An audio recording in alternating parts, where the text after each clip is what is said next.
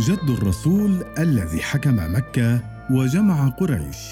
إرهاصات النبوة في سيرة قصي بن كلاب. للكاتب محمد يسري. على الرغم من كثرة المرويات الواردة حول قصي بن كلاب الجد الرابع للرسول.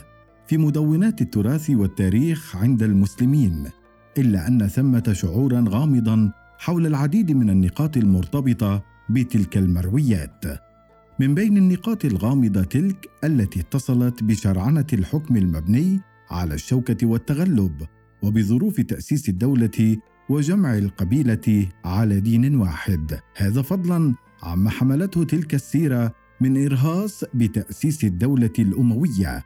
كل ذلك يدفعنا دفعا للتساؤل حول إذا ما كانت تلك السيرة صحيحة أم أنها اختلقت ووضعت في وقت متأخر. بالشكل الذي يتوافق مع تطور النظرة إلى السلطة في الحالة الإسلامية. اليتيم الغريب الذي حقق ازدهار مكة. وردت قصة قصي بن كلاب في العديد من المصادر التاريخية في الإسلام. ومنها على سبيل المثال سيرة ابن هشام تاريخ 218 هجرية. وتاريخ الرسل والملوك لابن جرير الطبري تاريخ 310 هجرية. والبداية والنهاية لابن كثير تاريخ 774 هجرية. بحسب هذه المصادر عاش قصي في القرن الخامس الميلادي على وجه التقريب وهو ابن كلاب بن مرة بن كعب بن لؤي بن غالب بن فهر بن مالك بن نضر بن كنانة. وتعود أصوله الأقدم إلى عدنان أما أمه فهي فاطمة بنت سعيد والتي تعود إلى أصول قحطانية. بحسب القصة المشهورة تزوجت فاطمة من كلاب وعاشا سويا في مكة وولدت له ابنين هما زهرة وزيد. فلما مات زوجها تزوجت من ربيعة بن حزام القضاعي الذي اصطحبها مع ابنها الأصغر زيد إلى مضارب قومه القاضعين في بلاد الشام. أما زهرة فقد تركته أمه ليعيش مع أعمامه في مكة. في الشام ولدت فاطمة ابنا جديدا وهو رزاح بن ربيعة بينما قضى زيد طفولته معتقدا أن ابن ربيعة حتى فوجئ بأحد خصومه من بني قضاعة يعيره بأصله قائلا له ألا تلحق بقومك ونسبك؟ فإنك لست منا. فلما سأل زيد أمه عن الأمر قالت له أنت والله يا بني أكرم منه نفسا ووالدا. أنت ابن كلاب بن مره بن كعب بن لؤي بن غالب بن فهر وقومك بمكة عند البيت الحرام وفيما حوله. عندها عزم زيد على العودة إلى وطنه مرة أخرى فخرج بناء على نصيحة من أمه.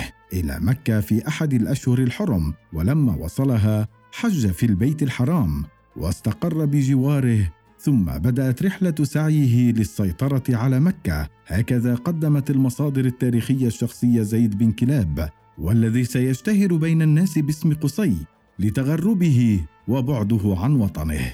وتتفق المصادر على دور قصي الكبير في ازدهار مكة بعد سيطرته عليها فقد لعب دورا محوريا في إعادة تسكين القبائل المتحالفة معه بجوار البيت الحرام فكان أن أنزل كل قوم من قريش منازلهم من مكة التي اصبحوا عليها بحسب تعبير الطبري كما أنه بذل مجهودات كبرى في سبيل تعظيم دور مكة الدبلوماسي والتجاري فنجده يرسل رسله إلى الممالك الواقعة على أطراف شبه الجزيرة العربية ويحرص على إقامة علاقات قوية معها. هذا فضلا عن أنه بدأ بفرض العشور والضرائب على القوافل التجارية التي تمر في مكة بحسب ما يذكر المسعودي تاريخ 346 هجرية في كتابه مروج الذهب ومعادن الجوهر.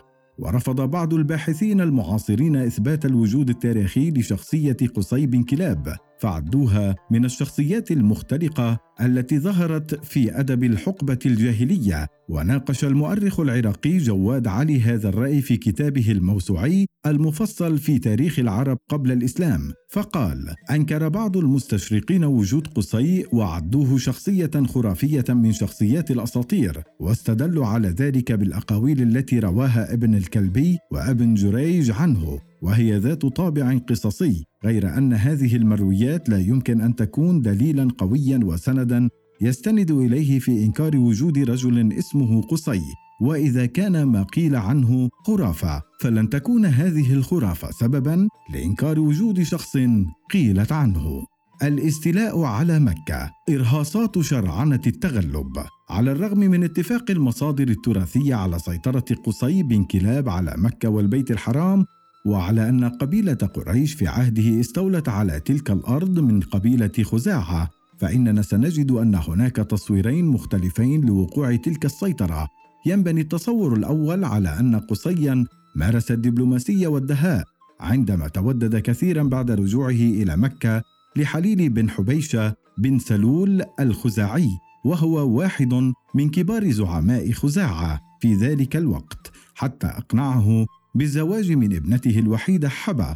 ولما تم ذلك أنجب قصي منها أبناءه عبد مناف وعبد الدار وعبد العزى ووطد علاقته بحليل فلما اقتربت نهاية الأخير أوصى بذلك قصيا وأمر به حين انتشر له من ابنته من الأولاد ما انتشر وقال أنت أولى بالكعبة والقيام عليها بأمر مكة من خزاعة.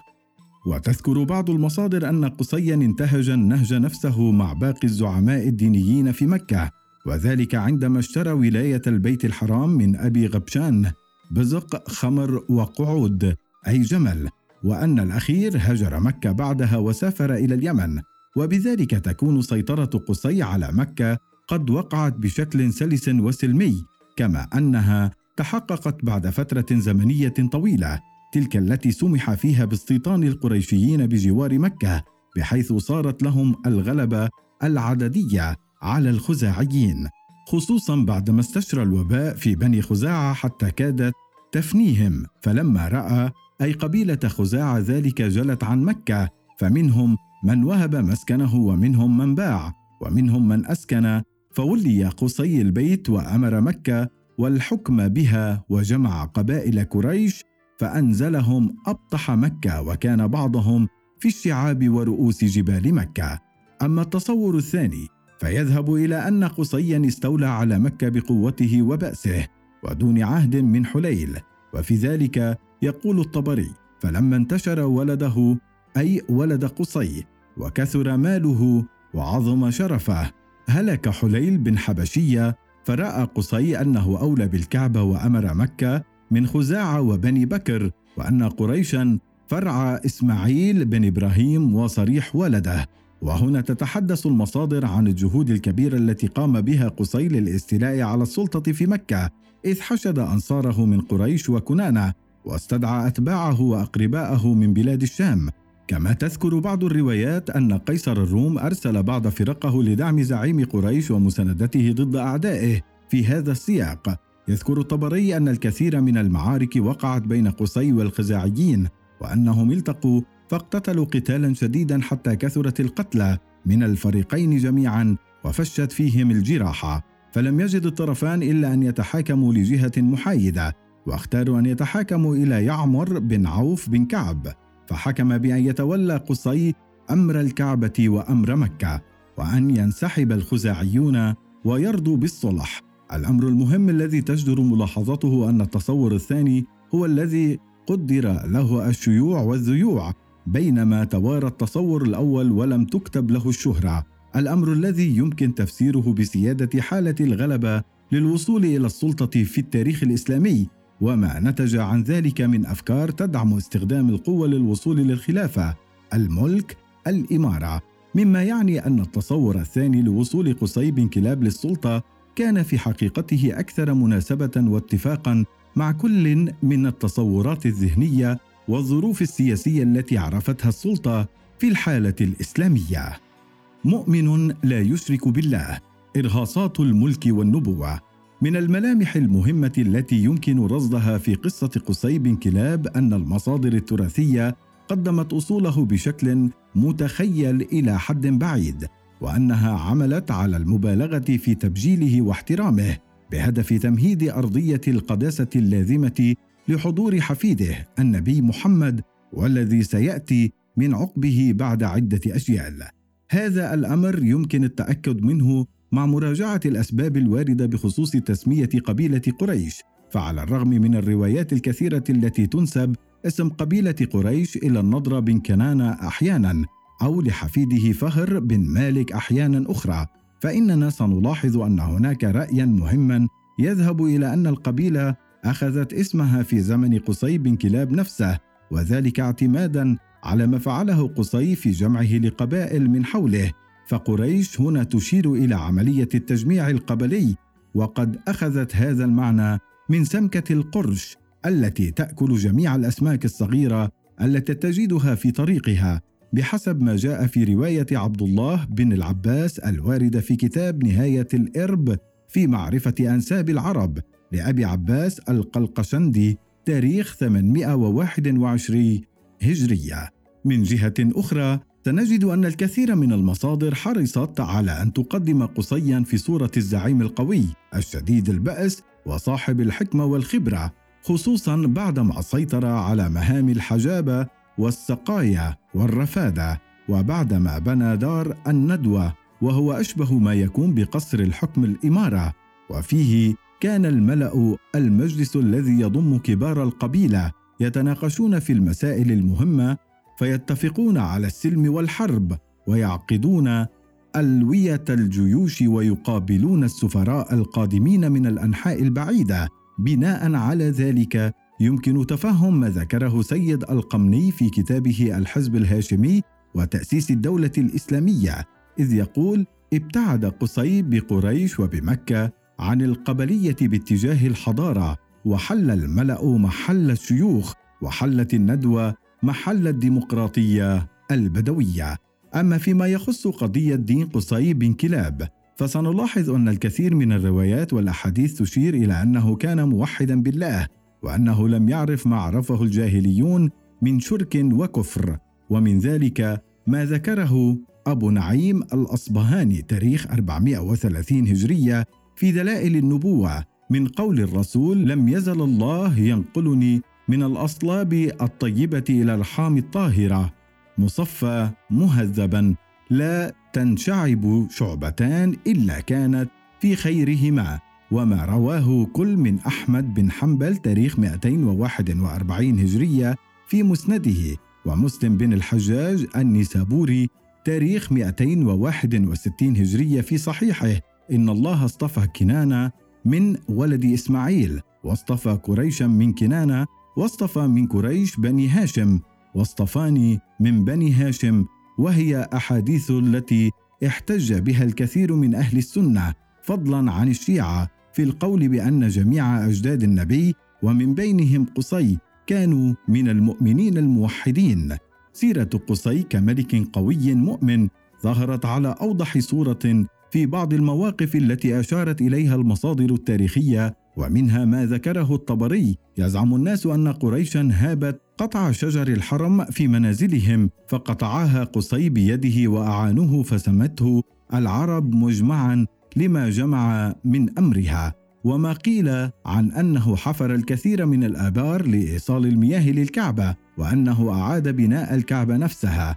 المواقف تتشابه كثيرا مع ما ورد في سيرة الرسول ولا سيما فيما يخص قصة تجديد بناء الكعبة قبيل البعثة المحمدية عندما شارك الرسول بنفسه في أعمال البناء وعندما قام بوضع الحجر الأسود في ثوب ثم أمر زعماء القبائل بأن يشاركوا في حمل الثوب ليضعوا الحجر في مكانه وهكذا يظهر النبي في تلك القصة وكأنه يعيد سيرة جده قصي من جديد وذلك عندما بنى بيت الله الحرام ووحد قبائل قريش جميعها حوله. من هنا يمكن القول أن الكثير مما ورد في قصة قصي إنما كان بالأساس تهيئة وتقديما لما سيقوم به نبي الإسلام فيما بعد سواء على صعيد العمل السياسي وتأسيس الدولة في يثرب أو على صعيد العمل الديني وجمع الناس على كلمة واحدة.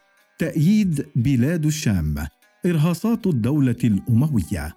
من بين النقاط المثيرة للاهتمام في قصة زيد بن كلاب تلك التي تحدثت عن تغربه الأول في بلاد الشام وتحديدا في مضارب قبائل بني قضاعة خصوصا وأن تلك التغريبة تسببت في تلقيبه بلقبه الأشهر قصي. يمكن القول أن التأكيد على وجود علاقة قوية بين قصي وأبنائه من جهة وبلاد الشام من جهة أخرى كان امرا تمت الإشارة إليه في ثلاث أجيال متتابعة بدءا من قصة قصي مرورا بقصة أمية بن عبد شمس بن عبد مناف بن قصي ونهاية بقصة معاوية بن أبي سفيان حفيد أمية.